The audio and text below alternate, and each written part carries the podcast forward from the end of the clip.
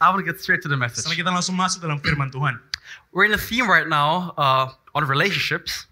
Eh, sekarang kita dalam eh, sebenarnya ada sebuah tema yaitu hubungan. Pastor Iwan spoke on the role of the father and a mother the last two weeks. Dua minggu yang lalu Pastor Iwan bicara bagaimana peran seorang ayah dan ibu. Are you blessed? Anda diberkati I kan? believe you're all blessed.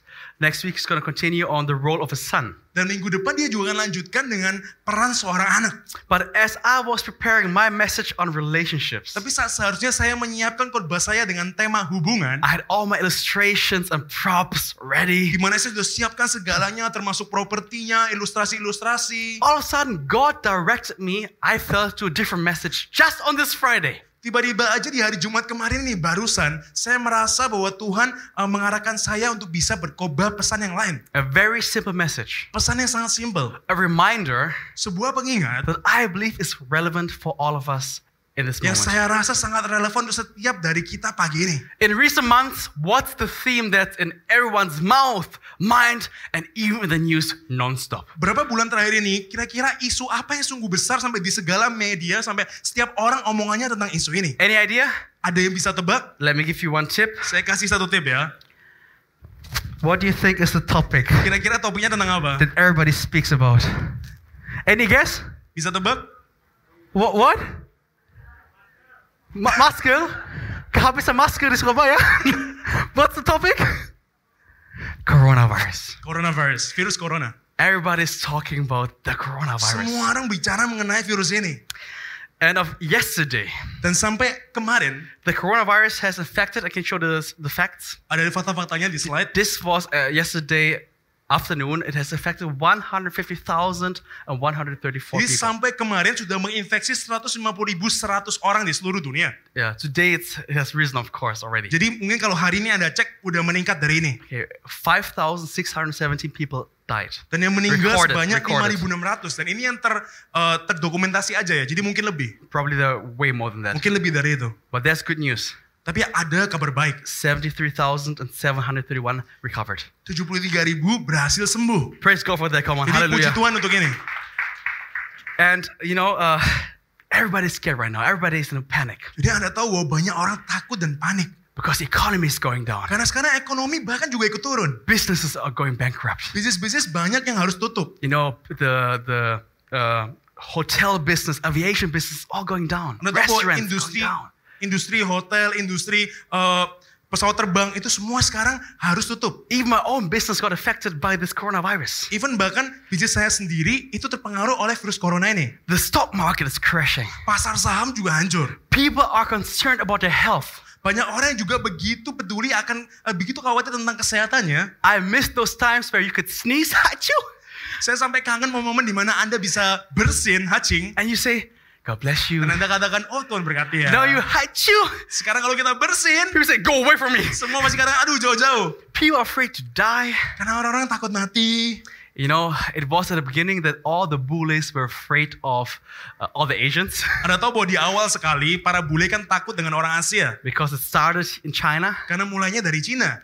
But now it's really that all the Asians are scared of the bullies. Tapi sekarang kebalikannya. Orang Asia takut sama bule-bule. Because right now Europe is very badly hit by the Karena coronavirus. sekarang Eropa begitu terinfeksi oleh virus corona ini. In fact, uh, I go to the gym at Celebrity Fitness, Bahkan sebenarnya saya kan member di Celebrity and Fitness. all the members got an email Dan semua member dikirimin email. that from now on, uh, some people like Germans and Italians are not allowed in Celebrity Fitness. Bahwa mulai sekarang orang Jerman, orang Itali, orang Belanda nggak boleh masuk Celebrity Fitness. Kurang aja.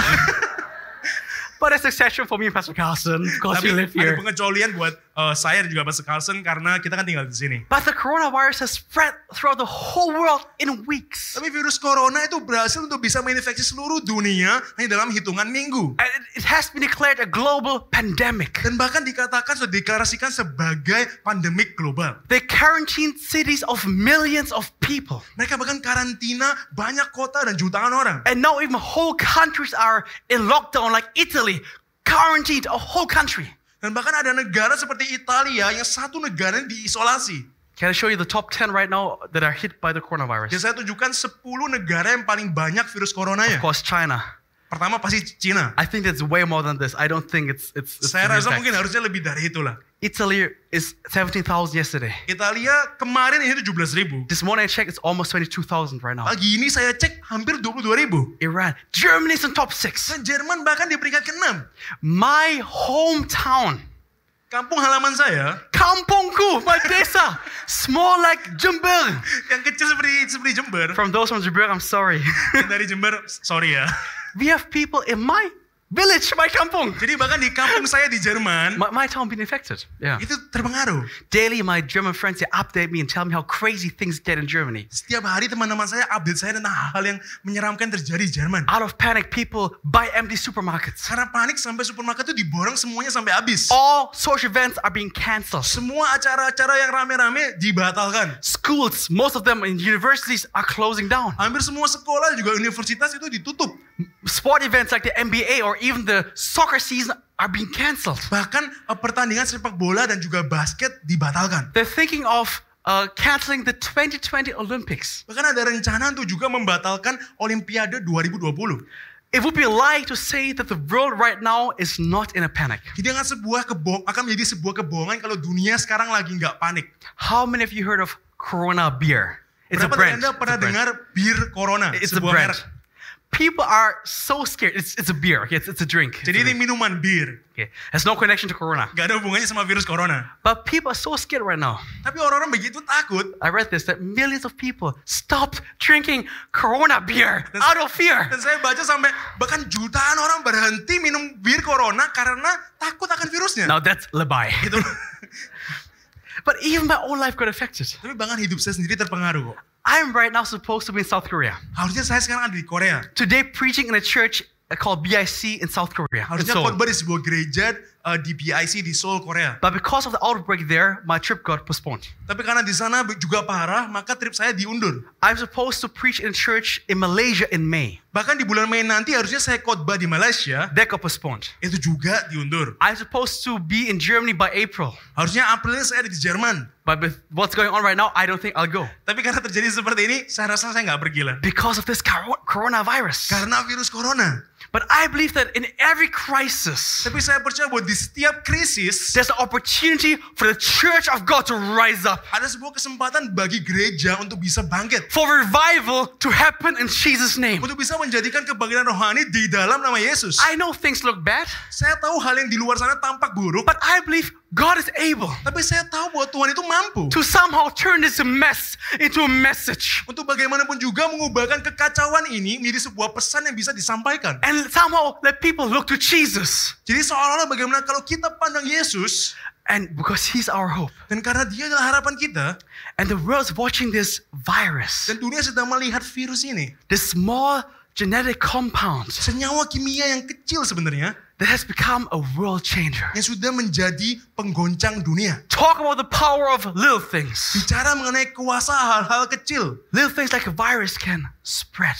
Hal kecil seperti virus bisa menyebar. But just like a little virus can cause fear everywhere. Tapi sama seperti bagaimana virus yang kecil bisa menjadi jadikan ketakutan di banyak tempat, I believe saya percaya a little bit of faith can put the world on fire. Hallelujah. bahwa iman yang kecil pun juga bisa menguncangkan dunia dan membuat dunia ini terbakar. Jesus said, if you have faith as small as a mustard seed, you can move mountains. Bahkan Yesus katakan kalau kita punya iman sekecil biji sesawi, kita bisa pindahkan gunung. And this virus begins with, with a little cough, Dan virus ini dimulai dengan batuk yang kecil a mungkin. little fever, Mungkin flu.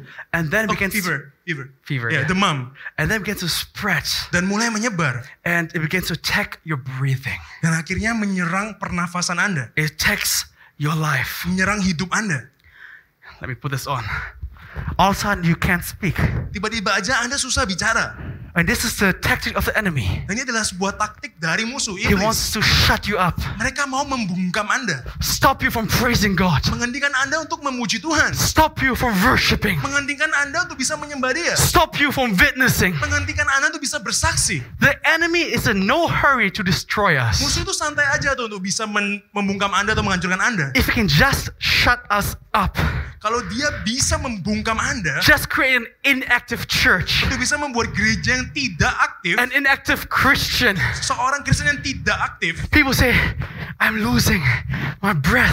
orang-orang katakan, aduh saya kehabisan nafas. But I came today Tapi saya datang pagi ini to disrupt our monthly theme, untuk bisa mengubah tema yang seharusnya itu hubungan, to declare victory over the untuk virus. bisa menyatakan kemenangan di atas virus ini. Today it's time to rise up in faith Pagi ini mari kita mulai bangkit dengan iman and to say to virus that's spreading fear dan katakan untuk setiap virus yang menyebabkan ketakutan that, uh, that we declare victory bahwa kita sudah punya kemenangan in our home, di dalam rumah kita, in our di family, keluarga kita, in our di church, gereja, in Jesus' name. di dalam nama Yesus. If you believe it, Kalau Anda percaya, we kemuliaan bagi Tuhan. Come on. amin.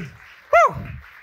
The title of message, Judul pesan saya hari ini Overcoming the Virus. untuk bisa mengalahkan mengatasi virus, Overcoming the virus. mengalahkan virus. And I want to share with you five points today. Dan saya mau bagikan lima poin hari ini. How to overcome the virus. Bagaimana bisa mengatasi mengalahkan virus ini. But I'm not just talking about the coronavirus. Tapi saya nggak cuma bicara mengenai virus corona. Because I know many of us really, really chill. We don't really care. Karena saya tahu banyak dari kita, kita bahkan nggak peduli, nggak takut sama namanya corona. But I believe all of us have fears in our life that we need to overcome. Tapi saya percaya bahwa setiap dari kita punya ketakutan eh, yang harus kita kalahkan. This message is still for you. Jadi pesan ini masih juga bagi Anda yang itu. Are you ready, church?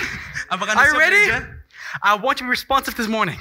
Saya mau Anda bisa responsif pagi ini. If I say something that blesses you, Kalau saya katakan sesuatu yang berkati Anda, shout amen. katakan amin. There's power in amen. Ada kuasa dalam namanya, dalam amin. Okay, to overcome the virus, number one, Untuk bisa mengatasi virus, yang pertama, be alert, but not afraid. waspada, tapi jangan takut. Okay, write this down. Be alert, but not afraid. Anda boleh tulis, waspada, tapi jangan sampai takut. I believe this point is very important. Saya percaya bahwa poin ini sangat penting. It's so important that God put a verse in the Bible, 2 Timothy 1 verse 7. Begitu penting sampai Tuhan taruh dalam satu ayat dalam Alkitab, 2 Timotius 1 ayat 7, For God has not given us a spirit of fear. bahwa Tuhan tidak memberikan kita roh ketakutan. Still, everybody in this room has fears, including Tapi me. masih aja kan, kita setiap dari kita di sini masih punya ketakutan. In fact, the number one thing that Satan released in this world through sin is fear. Bahkan hal pertama yang dikeluarkan oleh setan saat uh, kita jatuh dalam dosa adalah ketakutan. And this we can clearly see in the book of Dan Genesis. kita bisa lihat jelas dalam buku kejadian. The first thing that happened to Adam after he fell into sin was Hal pertama yang terjadi pada Adam saat dia jatuh dalam dosa adalah takut. In Genesis 3 verse 9, God asked Adam, Where are you? Dalam kejadian 3, 9 Tuhan tanya, Adam kamu di mana? In verse 10, Adam answers, Ayat 10 Adam menjawab, I'm hiding because I'm afraid. saya sembunyi Tuhan karena saya takut. Many of us are afraid of the coronavirus. Banyak dari kita, kita takut akan virus corona ini. Don't believe me? Gak percaya? Let somebody cough heavily around you. Coba ada yang batuk begitu keras di dekat Anda. you get nervous. Pasti Anda kan mulai takut kan? You know, I was in cinema just a while back, Jadi beberapa hari yang lalu saya nonton bioskop and in the silence of the movie, dan di tengah-tengah uh, filmnya somebody started coughing ada yang mulai batuk-batuk. immediately. Langsung. The faces, Semua orang memandang. People getting nervous. Orang-orang mulai takut. PDP Felicia was sharing with us a few weeks ago PDP Felicia juga ceritakan kepada kita beberapa minggu yang lalu. that she went to Singapore with her kids, di mana dia pergi ke Singapura dengan anak-anaknya, sitting in the MRT using a masker, duduk di MRT memakai masker. and across her sat a bule, Dan di depan dia ada seorang bule. looking at her with eyes full of fear. Dan ngelihat ke PDP Felicia dengan mata penuh takut. Coronavirus. Virus corona. We have a church member called Jocelyn. Kita juga ada jemaat namanya Jocelyn. Her sister studies in, in the Netherlands. Dan juga saudaranya eh, dia belajar di eh, di Belanda ya. She has an Asian friend who went to a restaurant in Holland. Dan punya teman Asia yang pergi ke sebuah restoran And di in, Belanda. and in the restaurant, she coughed. Dan di restoran dia batuk. Langsung the waiter. Ah, Langsung silakan keluar. Ah, Can you please aja leave? ya. People are scared. Orang-orang takut. Now we're even afraid to hachu, sneeze in public. Maka sekarang kita takut untuk bisa bersin di depan publik. We're afraid to cough at church. Kita juga takut batuk di gereja. The people right now, as I'm talking, Mungkin ada orang-orang di sini sambil saya bicara. you feel like coughing. Harusnya Anda kan tadi pengen batuk kan? Your throat is itchy, Sebenarnya udah gatel. but you're like, hmm, Tapi you're, ho- Anda tahan. you're holding it. Look, just because you're coughing doesn't mean you have the virus. Don't worry. Anda harus tahu bahwa kalau ada batuk bukan berarti Anda dapat corona ini. But if you cough too much, Tapi kalau batuk kebanyakan, sering batuk, better you leave. lebih baik keluar dulu. But don't be afraid. Tapi jangan takut. But just be on alert. Tapi cukup waspada. It's one thing to be prepared. Satu hal untuk bisa bersiap-siap, It's another thing to be panicking. Tapi hal yang lain kalau kita harus panik. I'm all about preparation. Saya orangnya suka bersiap-siap. But don't panic and speak words of defeat. Tapi jangan sampai Anda begitu panik dan katakan kata-kata kekalahan. What if? Bagaimana jika? What if I die? Bagaimana kalau aku mati? Well, in Jesus we have victory. Oh, Yesus sudah punya kemenangannya. Because even the worst case scenario, Oh, kalau kita mati bagi Yesus itu sudah kemenangan. because in the worst case scenario, Karena di skenario yang paling buruk, the Bible says, Alkitab katakan, for me to die is gain. bagi saya kalau mati itu kemenangan. The sting of death is broken. Karena eh, apa itu sting? Eh, oh Tusukan. sengat maut sudah dikalahkan. But still, I believe for protection through His name. Jadi saya percaya untuk adanya perlindungan di dalam nama Yesus. What if we need to stop going to church? Bagaimana kalau kita nggak bisa pergi lagi ke gereja? Fear doesn't own the what if in our life, Bukan ketakutan yang memiliki list bagaimana jika dalam hidup kita. but faith owns the what if in Iman our yang lives. mempunyai list-list bagaimana jika itu. Yes, setuju katakan hallelujah. Haleluya. What if everything will be fine? Bagaimana kalau ternyata semuanya baik-baik aja? What if your family, family will stay safe? Bagaimana kalau ternyata keluarga Anda aman? Choose faith over fear. Jadi pilihlah iman di atas ketakutan. 1 Peter 5 verse 8 says, Dalam satu Petrus dikatakan, Your enemy, the devil. musuhmu iblis. Notice it doesn't say your enemy, the coronavirus. Perhatikan kalau nggak ditulis mus tulisannya musuhmu coronavirus, enggak Your kan? enemy, that businessman. Musuhmu, oh orang itu bisnismen itu. Your enemy, Oh musuhmu, your mother-in-law. oh mertua. No, Enggak kan? it says your enemy, the devil. Tapi ditulis musuhmu itu si iblis. Your real enemy is not a person or an institution. No. Karena musuh Anda sebenarnya bukan manusia dan juga bukan organisasi atau institusi. Your real enemy is the devil who likes to use people or things to come against you. Tapi musuh Anda sebenarnya adalah si iblis yang suka pakai orang atau hal-hal untuk bisa menyerang Anda. He's smart, he uses strategies. Jadi dia pinter, dia pakai strategi. So it's important to us to understand who our opponent is and how he works. Jadi penting sekali untuk kita untuk bisa mengerti musuh kita siapa dan bagaimana dia bekerja. Let me give you an example. Biarkan saya berikan contoh. You know, uh, every Friday we in New Life Church we play badminton, Anda tahu bahwa setiap hari Jumat kita di Life Church adakan permainan bulu tangkis. and Germans are really competitive. Dan orang Jerman itu sangat kompetitif. Really competitive. Sangat kompetitif. At least I am. Paling enggak saya juga. So when I am facing a tough uh, opponent, Jadi kalau saya saat itu musuhnya itu jago, I will quickly study them. saya pasti dengan cepat belajar. And uh, then I will notice like, oh, okay, this person is really good, Saya pelajari dia dan saya bisa lihat, wah orang ini emang jago. but his teammate is meh. Oh, tapi temennya yang eh, pasangan dobelnya, aduh. So I will tell my Jadi teammate, saya akan katakan ke teman saya, hey, see the guy in blue? lihat gak yang baju biru? He's just normal. Dia oke-oke aja lah, So cupu lah. all balls on him. Jadi semua bola arahin ke dia. I will come up with a strategy for victory. Jadi saya akan buat sebuah strategi untuk bisa menang. Same here. Sama di sini.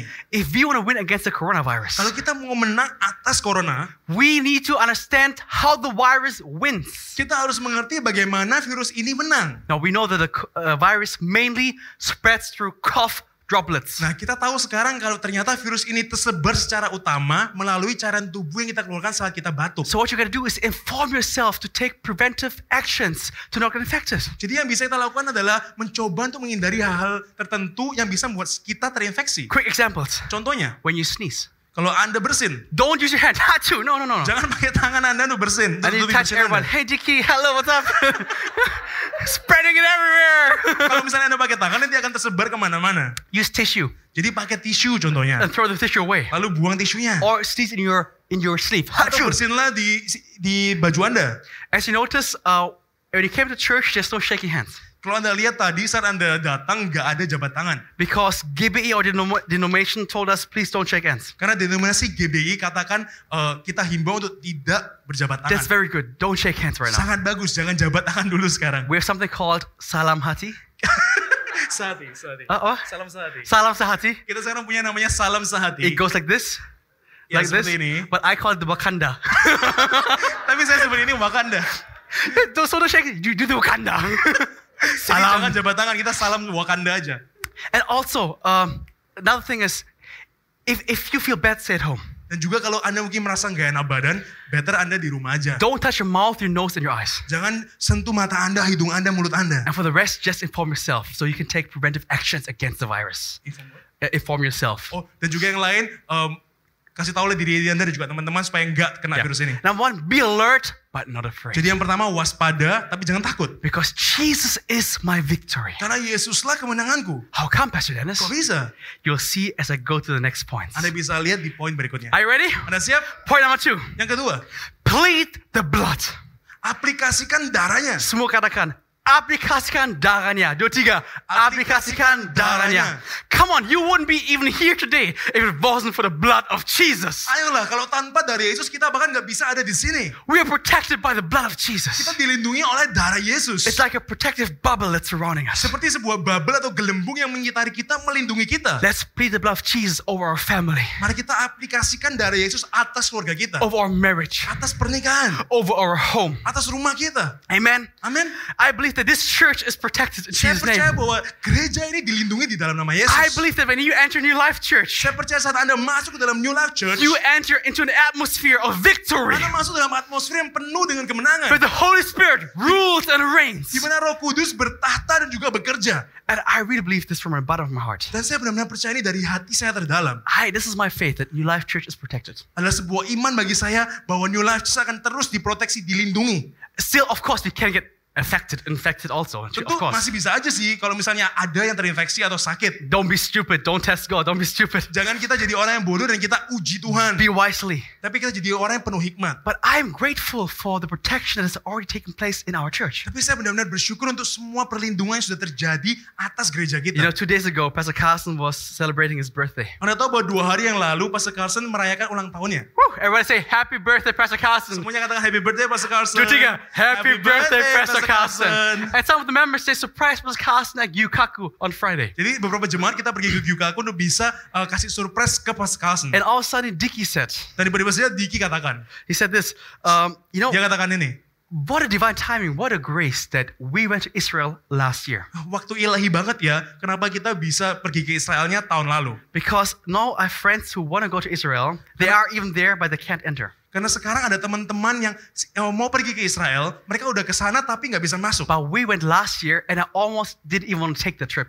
Tapi kita perginya tahun lalu, bahkan kita hampir aja nggak pergi ke Israel tahun Wow, lalu. wow that's really divine Jadi timing. benar-benar waktu ilahi. Melissa in his church, Melisa juga. she went to Bible school last year. Melisa jemaat kita, dia pergi ke sekolah Alkitab tahun lalu. She almost went this year. Dia hampir menentukan untuk bisa perginya tahun ini. But I said she felt, you know, you have to go 2019. Dan tapi saya katakan pada dia, saya rasa kamu harus pergi 2019. That's God's protection. Itu adalah perlindungan If she Tuhan. would have gone last year to Singapore to Bible college, I don't think she would have gone this year because of the virus. Kalau tahun lalu dia nggak pergi, saya yakin dia nggak mungkin pergi tahun ini karena ada virus ini. My dad from Germany came to Indonesia in January. Papa saya dari Jerman pergi ke Indonesia di bulan Januari. And he wanted to stay just for two, three weeks. Dan awalnya cuma mau menetap di sini 2 sampai 3 minggu. So, but end of January, he somehow felt I need to extend my ticket. Tapi di akhir Januari dia merasa bahwa kayaknya aku panjangin aja lah tiketku aku tunda. Wow. And now see what's going on in Germany. Dan sekarang kita lihat apa yang terjadi di Jerman. Top six in the world. Top 6, 6, 6 terbesar di That's seluruh dunia. God's protection. Itu adalah perlindungan Tuhan. I want to go to Germany in April. Saya awalnya mau pergi ke Jerman itu bulan April. Usually I buy my tickets in January. Biasanya saya beli tiketnya Januari. Biar lebih murah. So, but I felt in my heart, don't buy Dennis, don't buy yet. Tapi saya merasakan di hati saya jangan beli dulu lah. God's protection. Perlindungan Tuhan. You know, we have members here like the daughter of Pahasan, Kita bahkan punya jemaat-jemaat di sini seperti anak dari Pak Hasan, Clarissa, Karissa, Marco. Marco. They're studying in China. Mereka belajar di Cina. They went back just in time. Tapi mereka ternyata kembali ke Indonesia di waktu yang tepat. Ivana went to Italy just few weeks ago Ivana bahkan baru berapa minggu yang lalu pergi ke Italia. for her pre-wedding, for her photo shoot. Yang dia uh, foto-foto untuk bisa pre-wedding. And just when she left Italy, Dan saat dia meninggalkan Italia. the outbreak started. Tiba-tiba aja penyebaran virus mulai terjadi. What a protection of God. Perlindungan Tuhan yang luar biasa. Wow, can we give a praise in this place for the protection of New Life Church? That's amazing. But in Ivana's case, dengan Tapi kalau kasusnya Ivana, jangan jangan. I'm kidding, I'm kidding, I'm kidding, I'm kidding. It's all good. I'm really grateful for what God has done in this church. saya bersyukur banget dengan apa yang dilakukan Tuhan dalam gereja ini. Revelation 10, verse 12, uh, Revelation 12, verse 10 says, Bahkan di dalam Wahyu 12 ayat 10 ditulis. on the screen, Ada di layar. Dan aku mendengar suara yang nyaring di surga berkata, sekarang telah tiba keselamatan dan kuasa dan pemerintahan Allah kita. Dan kekuasaan dia yang diurapinya karena telah dilemparkan ke bawah pendakwa saudara-saudara kita yang mendakwa mereka siang dan malam di hadapan Allah kita. Satan's called the accuser. Jadi iblis disebut sebagai pendakwa atau penuduh. He'll also get into your face and accuse you. Jadi dia suka pergi ke Anda dan juga menuduh mendakwa Anda. And I want to show you an illustration right now. Dan saya mau tunjukkan sebuah ilustrasi. Erickson, Colin, please come on stage right now. Erickson dan juga siapa? Colin, Colin bisa come maju. on stage. Give a big hand to Erickson, Colin. Erickson dan Colin bisa maju.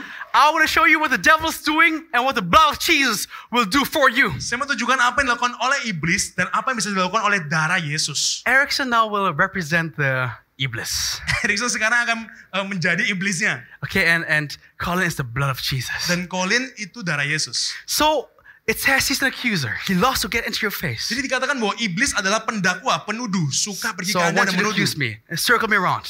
Jadi dia akan berkeliling menuduh. This is what the devil's doing. Jadi ini apa yang dilakukan oleh iblis? Muka yang lebih seram kayak. Come on. he says, you fail, Dennis. Dia katakan kamu gagal Dennis. You get sick, Dennis. Kamu sakit Dennis. You get the coronavirus. Kamu pasti kena corona. Don't go to church. Kamu usah pergi ke gereja lagi. Don't you know what's going on right Kamu now? tahu tuh apa yang terjadi sekarang? You won't sleep tonight. Kamu gak bisa tidurnya. And that's the tactic of the enemy. Go on, go Itu on. adalah serangan dari iblis terus terjadi. He wants to rob you of your sleep, Dia mau mengambil Anda dari tidur nyenyak Anda. steal your peace and your joy. Dia bisa mencuri sukacita dan damai That's good. Terus. It's like sport in the morning. Good.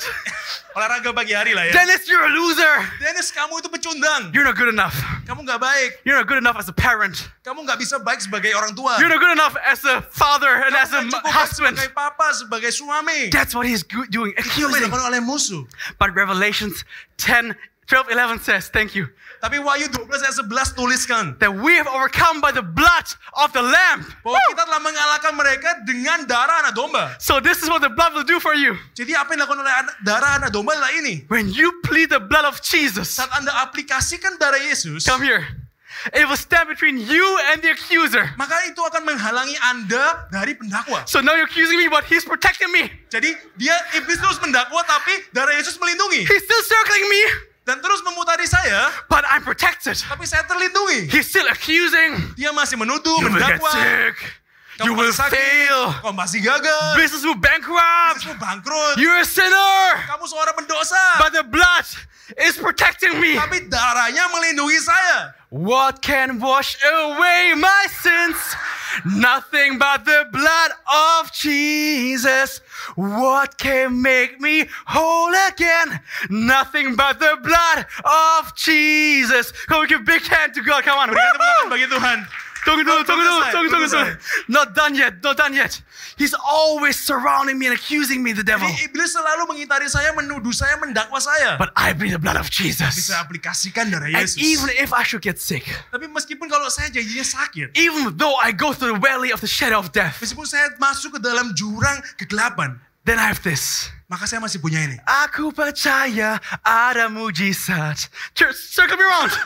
Aku percaya Tuhanku dahsyat. Hallelujah. Come on, give a big hand to them. Tepuk tangan bagi mereka. Aren't you grateful for the blood of Jesus? Bukankah Anda begitu bersyukur ada darah Yesus? Shout hallelujah. Katakan haleluya. Amen. Amin. So the blood of Jesus will stand between you and the accuser. Jadi darah Yesus akan menghalangi Anda dari serangan iblis. It will, it will defend you. Itu akan melindungi Anda. It's time to plead the blood of Jesus over your family, Waktunya church, untuk bisa mengaplikasikan darah Yesus atas keluarga Anda. over your business, Atas bisnis Anda. over this nation, Atas Indonesia. over this church. Atas gereja ini. We are come by the blood of the Lamb. Kita sudah mengalahkan iblis dengan darah anak domba. Semua katakan hallelujah. Kita katakan haleluya. Hallelujah. And number three, Yang ketiga, declare God's promises. deklarasikan atau nyatakan janji Tuhan. Number one, Yang pertama, be alert but not afraid. waspada tapi jangan takut. Number two, plead the blood of Jesus. Yang kedua, aplikasikan darah Yesus. Number three. Sekarang yang ketiga, Declare God's promises. nyatakan janji-janji Tuhan. Because it says in the same verse, Karena dikatakan dalam ayat yang sama, be overcome by the blood of the Lamb and by the word of our testimony. bahwa iblis dikalahkan oleh darah anak domba dan oleh perkataan kesaksian mereka. If you have to talk, you might talk as well faith. Jadi kalau Anda harus bicara, lebih baik Anda bicara yang penuh dengan iman. Talk victory and hope. Bicaralah mengenai mempunyai kemenangan dan juga harapan. Pray out the word of God. Berdoa firman Tuhan. Speak out the word of God. Kedua katakan firman Tuhan. And always remember, Dan terus ingat, you're not fighting for victory, Anda nggak sedang bekerja untuk bisa dapat kemenangan, but you're fighting from victory. tapi Anda sedang bertempur dari posisi kemenangan. The enemy wants to keep you silent. Musuh mau Anda tetap diam. Oh, ya. Because he knows Karena dia tahu. there's power in our confessions of the promises of God. pengakuan kita atas janji-janji Tuhan. Listen, church. Dengar gereja, Instead of magnifying the negative, daripada Anda terus membesarkan hal yang negatif, instead of worrying, daripada terus khawatir, find the promise that you can stand on. carilah janji di mana Anda bisa pegang teguh. Why is it so important? Kenapa begitu penting? Because God is not obligated to bring to pass what you say, Karena Tuhan itu nggak harus untuk bisa menjadikan, membuat nyata apa yang Anda katakan. but He will bring to pass what He says. Tapi dia akan lakukan apa yang dia katakan sendiri. Oh, you didn't hear me. Oh Anda nggak dengar saya? I'll try this Saya side. coba sisi yang ini. God is not obligated to bring to pass what you say, Tuhan itu nggak harus bisa melakukan apa yang Anda katakan. but He will bring to pass what He says. Tapi dia pasti akan lakukan apa yang dia katakan sendiri. Because God doesn't lie. Karena Tuhan kan nggak mungkin bohong. So when you say, Jadi kalau Anda katakan, God, you said Tuhan kau sendiri yang sudah berkata that no weapon formed against me shall prosper. bahwa nggak ada senjata untuk saya yang bisa berhasil. Isaiah, Dalam Yesaya, God, you said Tuhan kau juga katakan that you supply all my needs according to your riches and glory by Christ Jesus. akan memenuhi segala kebutuhan kami sesuai dengan kemuliaan dan juga kekayaanmu. Philippians, Dalam Filipi, God, you said Tuhan kau sendiri juga that I'm katakan more than a conqueror. saya lebih dari pemenang. God, you said Tuhan kau katakan that the plans you have for me are good and not evil. bahwa rencana yang kau buat buat aku adalah rencana kebaikan bukan kejahatan. Jeremiah, Dalam Yeremia, I believe if God hears his promises saya percaya bahwa saat Tuhan dengar janjinya sendiri coming out of your mouth keluar dari mulut Anda as a faith confession, sebagai sebuah pengakuan iman, it will come to pass. maka akan terjadi. Because God is faithful to his word. Karena Tuhan itu setia atas kata-katanya. Yang percaya beri kemuliaan bagi Tuhan. Amin. Sukan, amin. Amin. Amen. Amen. And I want to declare a promise of God over your life right now. Dan saya mau nyatakan janji Tuhan atas hidup Anda sekarang. Psalms 91. Dalam Mazmur The 91 Psalm protection. ada sebuah perlindungan. I want us to read verse 1 to 7 together out loud. Dan saya mau kita eh, untuk katakan ini bersama-sama ayat 1 sampai 7. And I want you to believe what you're speaking out. Dan saya mau Anda tuh bisa percaya apa yang Anda katakan. Siap? Siap? Okay, let's read it together. Kita baca. Satu dengan suara yang keras. Satu, dua, tiga. Orang yang duduk dalam lindungan yang maha tinggi dan bermalam dalam naungan yang maha kuasa akan berkata kepada Tuhan, tempat perlindunganku dan kubu pertahananku, Allahku yang kupercayai.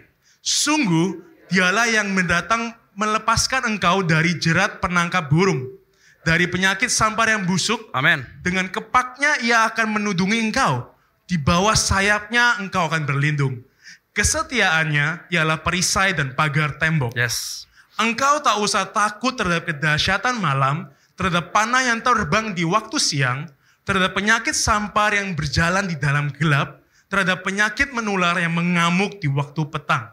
Walau seribu orang rebah di sisimu dan sepuluh ribu di sebelah kananmu, tetapi itu tidak akan menimpamu. Yang percaya, katakan haleluya. Haleluya. Katakan. Amen. Beri kemuliaan bagi Tuhan, come on. I believe this in Jesus' name. Saya percaya ini di dalam nama Yesus. How to overcome the virus. Bagaimana bisa mengalahkan virus? Number one, Yang pertama, be alert but not afraid. waspada tapi jangan takut. Plead the blood of Jesus. Kita aplikasikan darah Yesus. Declare God's promises. Kita nyatakan janji-janjinya. And number four, Sekarang yang keempat, I want the piano come on stage right saya now, mau please. pemain piano bisa naik. Praise God, number four. Pujilah Tuhan. Praise God. Pujilah Tuhan. God works where there's faith. Tuhan akan bekerja kalau ada iman. And praise is faith in action. Dan pujian adalah iman dalam perbuatan. If you give God praise, Kalau Anda berikan Tuhan pujian, then the breakthrough will come. maka ada terobosan yang terjadi. Praise always precedes the victory. Woo! Pujian selalu mendahului kemenangan. Look at the story of Jonah. Coba lihat cerita dari Yunus. Jonah, the Bible says, was eaten by a fish. Dalam Alkitab tulis bahwa Yunus dimakan oleh ikan. For three days, he was stuck in its tummy. Selama tiga hari, dia di dalam perut ikan itu. And all he did was complaining to God. Yang dia lakukan selama tiga hari itu hanya komplain kepada Tuhan. The first eight verses in Jonah chapter 2. Dan dalam Yunus pasal 2, yeah, all first eight verses 8 ayat pertama are all dealing about Jonah complaining. berisi mengenai komplain dari Yunus. And that's what most of us do the moment we go through crisis. Dan itulah apa hal yang sering kita lakukan saat kita mulai hadapi masalah. God, I didn't deserve this. Tuhan saya harusnya nggak layak terima ini. God, why is this happening? Apa nggak bisa terjadi kepada saya? God, look. Tuhan lihatlah. As if God doesn't see you. Seolah-olah Tuhan nggak nggak pernah lihat Anda. Looking down from heaven. Lihat dari surga. This is bad. Aduh parah ya. Hold on, brother. Hold Tunggu on. ya, tunggu ya. God sees you. Ah, Tuhan padahal kan lihat Anda terus. But you gotta understand Tapi Anda harus ngerti. that God is, God is not moved by your problems. Bahwa Tuhan nggak digerakkan oleh masalah Anda. God is moved by your faith. Tapi Tuhan digerakkan oleh iman Anda. And praise is faith in action. Dan pujian adalah iman dalam bentuk perbuatan. Hallelujah. Haleluya. And in verse 9, it says Dan dalam ayat 9 dikatakan. that Jonah changed his attitude and for the first time gave the sacrifice of Bahwa praise. Yunus berubah sikapnya dan untuk pertama kali memberikan korban pujian. And right in the next verse, the fish spit out Jonah onto dry ground. Dan langsung di ayat berikutnya ikan tadi memuntahkan Yunus ke tanah yang kering. Jonah said in verse 9, I'll give you the sacrifice of praise. Katakan dalam ayat 9 saya berikan korban pujian. The word sacrifice means Kata-kata korban berarti I don't feel like it. saya nggak merasa pengen memuji Tuhan. I still can see the light at the end of the tunnel, Saya masih nggak bisa lihat tujuan saya di mana. but I still praise you, God, Tapi saya masih puji Engkau Tuhan. because I know a secret. Karena saya tahu sebuah rahasia. My praise is faith at work. Bahwa pujian saya bagi Tuhan adalah iman dalam bentuk perbuatan. Praise God in the midst of this virus. Pujilah Tuhan di tengah masalah virus ini. Yang setuju katakan hallelujah. Haleluya. Hallelujah. Haleluya. And finally, number five. Dan terakhir yang kelima. Know the power in the name of Jesus. Ketahuilah nama eh, kekuasa dari nama Yesus. There's power in the name of Jesus. Ada kuasa di dalam nama Yesus. Do you believe it? Apakah Anda percaya? We just sang a song. Kita baru aja nyanyikan lagunya. There is power in the name of Jesus. There's power. There is power in the name of Jesus to break every chain. Itu bisa mengalahkan setiap To break every chain, to break every virus, to break every virus. sickness. Itu bisa There's power in the name of Di Jesus. dalam nama Yesus. If you believe it, shout amen. Anda percaya teriakan amin. Philippians 2 verse 9 Dalam says, Filipi 2 ditulis Therefore God exalts him to the highest place bahwa Allah meninggikan dia and gave him the name that is above every name. dan memberikan dia nama di atas segala nama. The name that's above cancer. Nama di atas kanker. The name that's above divorce. Nama di atas The perceraian. name that's above addiction. Nama di atas kecanduan. And the name that's above Dan coronavirus. nama juga di atas corona. The powerful name of Jesus. Kuas nama yang penuh kuasa dari Yesus. I want a musician right now come on stage. Saya mau para musik bisa naik. I have a friend in Singapore, Saya punya teman di Singapura. and I asked her one time, How come your family believes in Jesus? Satu kali saya pernah tanya bagaimana keluarga, Anda mulai percaya Yesus. And she said this Dan dia katakan ini. You know, we, we were Buddhists, Anda tahu dulu kita adalah orang Buddha. but we heard about Jesus. Tapi kita dengar tentang Yesus. And my mom was in an accident, Dan saat itu ada eh, ibu saya. Ya. Ibu saya alami sebuah kecelakaan. and the car began to spin around. Dan mobilnya itu terus berputar. And we thought we to die. Dan kita pikir kita akan mati. But my mom remembered Jesus. Tapi ibu saya ingat mengenai Yesus. So she shouted, Jadi Jesus! dia teriakan Yesus. And immediately, Dan tiba-tiba aja while the car was spinning, saat mobil itu terus berputar, the car stopped mobilnya berhenti. when she spoke the name of Jesus. Saat dia ucapkan nama Yesus. And that was the day our whole family believed in Jesus Christ. Dan itu adalah hari di mana satu keluarga percaya Yesus. Hallelujah. Haleluya. There's power in the name of Ada Jesus. kuasa di dalam nama Yesus. Amen. Amin. But can bad stuff still happen? Tapi apakah hal buruk bisa terjadi? Of course it can. Masih bisa. Of course it can get infected. Masih bisa terjadi dan kita masih bisa terjangkit. But I believe Psalms 23 Tapi saya percaya dalam Mazmur 23 that even though, even though I walk through the valley of the shadow of death, bahwa kalau meskipun saya masuk dalam lembah eh, kejahatan, lembah kematian, I will fear no evil, saya nggak akan takut apa pun. for you are with me. Bahwa Tuhan bersama dengan saya. You prepare a table before me in the presence of my enemies. Kau menyiapkan makanan bagi saya di depan musuh saya. That's my Jesus. Itulah Yesusku. If you believe it, Kalau Anda percaya. sekali lagi kemuliaan bagi Tuhan. Amin. Thank you. We just come on stage right now. Number one, Yang pertama, be afraid. Uh, be alert but not afraid. waspada. How to overcome the virus? Number two, Jadi bagaimana bisa mengalahkan virus? Yang kedua, plead the blood of Jesus. aplikasikan darah Yesus. It's like a bubble protecting you Seperti gelembung yang melindungi Anda. of all the accusations of the enemy. Dari semua tuduhan dakwaan dari Number, musuh. number three, Yang ketiga, declare the promises of God. nyatakan janji-janji Tuhan. Woo, that's powerful. Ada yang, yang penuh kuasa. Number four, Yang keempat, praise God. pujilah Tuhan. That's a weapon. Itulah sebuah senjata. Praise is a weapon. Pujian adalah senjata. And number five, Yang kelima, you have the name of Jesus. Anda punya nama The Yesus. name that's above every name. Nama yang di atas segala nama. Hallelujah. Haleluya. Everybody stand up on your feet right Semuanya now. bisa berdiri. Hallelujah. Haleluya. And I want us right now to sing the song uh, Aku Percaya from the very beginning. Kita nyanyikan lagi lagu Aku Percaya dari awal. From the very beginning. And then I want us to take communion. Nah, setelah itu kita mau ambil komuni, perjamuan kudus. Thank you, Lord. Thank you, Jesus. Kau Tuhan jadi andalanku Hanya kau Tuhan yang ku percaya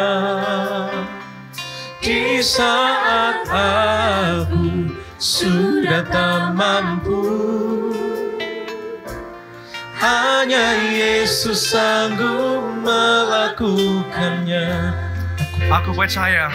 Aku percaya ada mujizat. Aku percaya Tuhanku dahsyat. Perbuatan ajaib telah dikerjakannya. Aku percaya ada mujizat If you don't have the communion elements right now, I want you to raise your hands. Kalau Anda masih belum dapat elemen perjamuan kudusnya, bisa angkat tangan.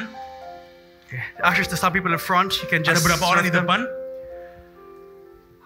I want to take communion right now because I spoke on the power of the blood of Jesus. Saya mau ambil perjamuan kudus sekarang karena saya mau bicara mengenai kuasa dari darah Yesus. You know, in in the Old Testament, Anda tahu bahwa di perjanjian lama, at the very first Passover, di Paskah yang pertama kali, when the Israelites wanted to escape out of Egypt, saat bangsa Israel mau kabur dari tanah Mesir, they had ten plagues. mereka punya 10 tula. The first time they were bad, Sembilan yang pertama itu parah. but the last one, the tenth one, was the worst. Tapi tula yang ke-10, yang terakhir dan yang terparah. The angel of death would walk around and kill all the firstborns. Di mana malaikat maut akan datang dan juga membunuh setiap anak sulung. It was like a virus, so to speak. Seperti virus kalau kita bicarakan dalam kata-kata sekarang. But every family who put the blood of the lamb at the doorpost, Tapi kalau setiap keluarga yang menaruh darah anak domba di tiang pintu mereka, they're protected.